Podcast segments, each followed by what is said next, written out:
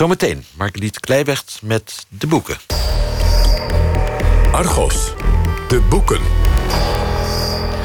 Ja, want het is weer tijd voor de boekenrubriek. Vandaag dus met Margriet Kleiwegt, journalist en publicist. Straks hoor ik ontzettend graag wat je vindt van het boek... dat rechtsfilosoof Paul Cliteur heeft geschreven... naar aanleiding van de minder-minder-uitspraak van Geert Wilders... en de rechtszaak tegen hem. Het gaat over de voor's en tegens van juridische vervolging... van religiekritiek. Maar eerst nu we toch de hele middag over Turkije hadden. We hadden het net uitgebreid over de PKK... en de lange arm van de Turkse geheime dienst. Maar jij hebt een boek voor ons gelezen over de Turkse Gulen-beweging. Ook een behoorlijk geheimzinnig genootschap. Welk boek is het? Het is The, the Gulen Movement in Turkey. The Politics of Islam and Modernity. Geschreven door Caroline T. Zij is een, uh, een Engelse uh, antropologe. Um, en heeft twee of meer jaar onderzoek gedaan naar de Gulen-beweging in Turkije en spreekt Turks. En om even aan te haken bij, bij het onderwerp van net. Hè, wat, uh, hoe, hoe de Gulen-beweging tegenover de PKK staat. Hè. De Gulen-beweging, dat was de beweging uh, die de vermeende koep vorig jaar heeft gepleegd tegen president Erdogan, waarover zo meer. Ja. Maar uh, er staat niet zoveel over de PKK in haar boek. In haar, vind ik, erg mooie boek. Maar wat er wel in staat is dat in 2012 de officier van justitie de uh, Hakan Fidan uh, wilde arresteren, hoofd van de inlichtingendienst. En wat als maar gezegd werd, was dat justitie enorm was geïnfiltreerd in de Gulen-beweging. Dat alle rechters van Gulen waren en alle officieren van justitie. En die Hakan Fidan, die was de naaste man van Erdogan. En die was juist aan het proberen om in het geheim, het verbaasde mij, ik wist dit niet, met Öcalan, de leider van de PKK, iets te organiseren of nader tot elkaar te komen. En Gulen die wilde, die moest die PKK absoluut niet. Alsof Erdogan dat wel wilde. Maar goed, er staat in het boek dat Gulen die PKK niet moest. En dat Erdogan de arrestatie kon voorkomen. Maar die zag dan weer dit wel als een openlijke oorlogsverklaring. En half augustus, dus nog niet zo lang geleden, was er een bomaanslag van de PKK in Oost-Turkije. En daarbij waren zeven mensen van de veiligheidsdiensten betrokken. Die kwamen ook om. En uh, toen beschuldigde Erdogan Gulen van betrokkenheid van die aanslag. Ik geloof dat de luisteraars nu de draad al kwijt zijn. Het is zo ingewikkeld. Maar ik denk dat iedereen tegenover elkaar staat in Turkije. Zowel Gulen als de PKK als Erdogan. Het is eh, ja, toch een hele vijandige samenleving geworden. Ik, ik, ik, heb me ook wel eens met die Gulen-beweging bezig gehouden. Jij ook, uh, volgens mij. Hoewel niet zo intensief als Caroline T natuurlijk. En uh, ik kwam er niet helemaal uit toen... omdat Erdogan het heeft over een terroristische organisatie. En dan zoek je Gulenisten in Nederland op... en dan blijken ze ja, scholen te runnen... en huiswerkklasjes, theekransjes. En dan denk je, ja, hoe kan dit nou? Wat is nou het werkelijke karakter van die Gulen-beweging? Nou, wat ik zo mooi vind aan het boek van, van, uh, van T... is dat, dat je gewoon eigenlijk een beetje een feitelijke uiteenzetting krijgt. Dus ze, ze, ja, ze analyseert wel, maar niet te veel. En dat is nou juist waar mensen die erin geïnteresseerd zijn... denk ik, behoefte aan hebben. Waar komt het vandaan? He, het blijkt dat in de jaren, eh, in de jaren zestig is die beweging, Gulen-beweging opgericht uh, eigenlijk in Izmir. Dat is, uh, ja, wat is een beetje Oost-Turkije. West-Turkije, geloof ik. Ik ben altijd slecht met West-Turkije. Uh, Oost ligt ten oosten van het westen, zeg ja. maar.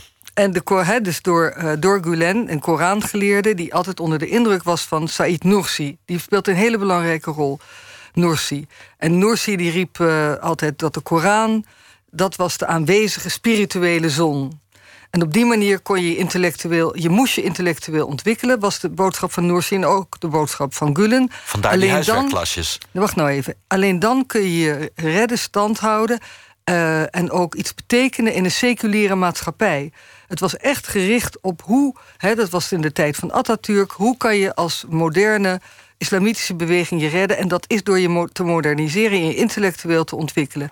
En dat heette positieve actie wetenschap verbinden met religie, met islam en moderniteit. Nou, dat is gebeurd. Uh, Gulen werd steeds groter in Turkije. En uh, stichtte daar ontzettend veel scholen.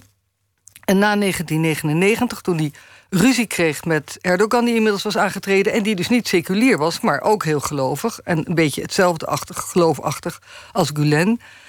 Toen is hij naar Amerika gegaan en daar is de expansie gekomen. Dat vond ik ook heel verhelderend in haar boek. Dat na 1999, toen hij eenmaal in Amerika zat, Gulen, in Pennsylvania werd het steeds groter en groter en ook heel erg rijk. Die, uh, die beweging heeft verschrikkelijk veel geld.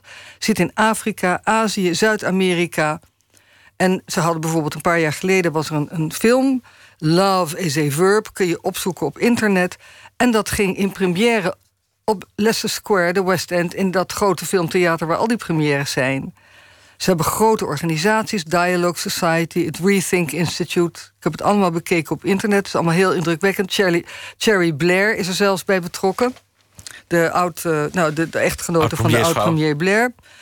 En wat ik ook heel mooi vond aan het boek is dat ze laat zien wat er dan gebeurt op die scholen. Al die het zijn eigenlijk jonge mensen die niet zo rijk zijn, die een, een prachtige uh, ja, educatie krijgen, helemaal gratis en voor niks, en die daarna ingezet worden voor de organisatie. En die, zoals zij schrijft, eh, die scholen zijn beter dan de staatsscholen. Ze krijgen beter onderwijs en de leraren krijgen minder salaris. Ze zijn dienstbaar leraren werken soms bijna voor niks. Ze zitten in kleine kamertjes. Ze worden overgeplaatst uh, naar andere gebieden. In Turkije niet meer natuurlijk in Turkije. En ook naar uh, andere landen. En ja, daardoor weten ze zich heel goed te nestelen in de samenleving. De hele intensieve relatie, vond ik ook, heeft ze mooi beschreven... tussen de leerlingen en de docenten. En wat ik ook heel opmerkelijk vond... veel van deze scholen zijn in Texas. Texas? Dat zou je toch niet verwachten? Dus het is geen islamitisch bolwerk, Texas. Nee, dus eh, kijk, nu is het natuurlijk heel, heel, is het allemaal heel af, ja, akelig wat er gebeurd is in Turkije voor alle partijen. Uh, en zullen ze daar min of meer gedecimeerd zijn. Dus ik denk niet dat ze daar veel verder kunnen. Ze zullen het internationaal moeten zoeken. En ik weet niet of dat lukt. We weten natuurlijk ook niet wat er gebeurt. Als de Messias, namelijk Gulen zelf, komt te overlijden. De want de man leraar. is heel oud. Hij is uh, in de tachtig nu, geloof ik. En, heeft al jaren een breekbare gezondheid. Maar het concept is dus eigenlijk uh, uh, dat je door educatie iets kunt betekenen in de maatschappij als gelovige. En nou zegt Erdogan en de AK-partij: dit doen ze alleen maar. Dit klinkt allemaal heel onschuldig, van de onderwijsbeweging eigenlijk. Maar dit doen ze alleen maar om topmilitairen, topambtenaren, topadvocaten. Uh, op te leiden die vervolgens uh, een revolutie in Turkije moeten plegen. Een islamitische revolutie. Tuurlijk. Zit die kant er ook aan? Dat, ja, dat schrijft zij heel impliciet. Maar ja, het is natuurlijk allemaal gericht op... als je wilt dat, het, dat uh, de wereld gaat zoals jij dat in gedachten hebt... dan moet je wel een coup plegen, anders kom je er niet.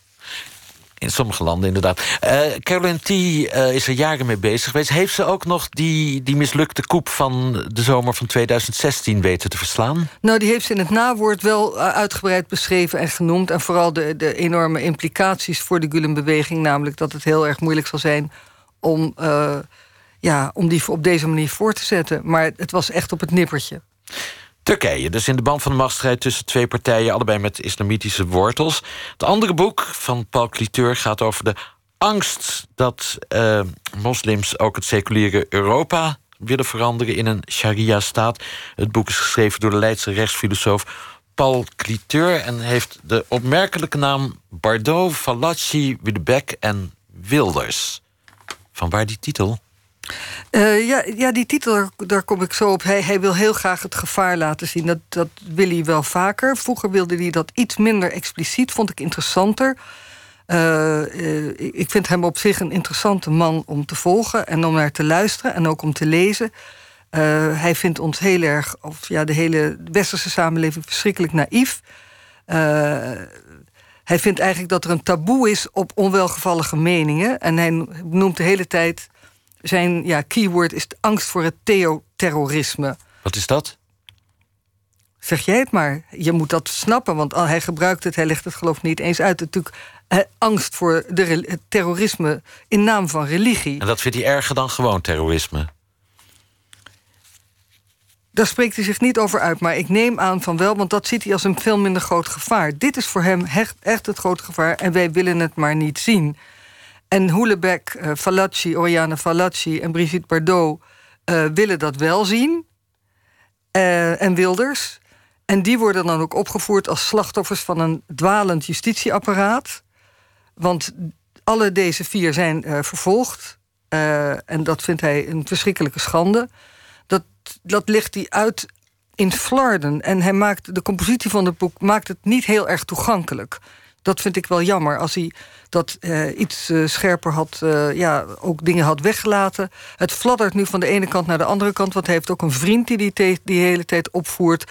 Een homoseksuele collega die er ook allemaal niks van begrijpt. En dat is dan een soort, ja, ik, ik geloof niet dat een man echt bestaat.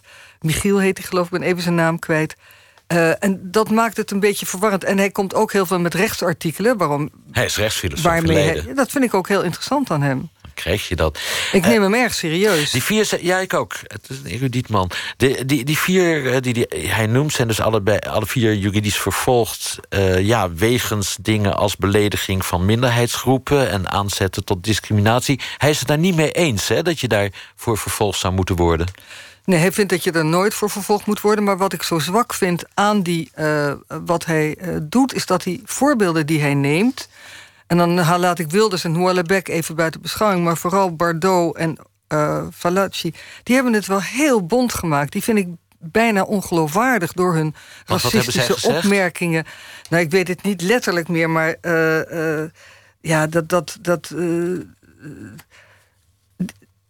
nou, Bordeaux over de buitenlandse overbevolking worden overspoeld door buitenlands. Door, dat, en zij is ook heel erg bevriend met uh, mensen in, uh, met, met de oude Le Pen. Zij zijn, ja, misschien doet dat er niet toe, maar dat, dat maakt het voor mij iets moeilijker om in zijn verhaal mee te gaan. Omdat dat, ja, die zijn zo verschrikkelijk bevooroordeeld. Of ze nou ja, uh, of ze nou vervolgd moeten worden, dat laat ik even in het midden. Maar dat er even uh, iets van gezegd moet worden en dat het misschien bekeken moet worden of ze vervolgd worden.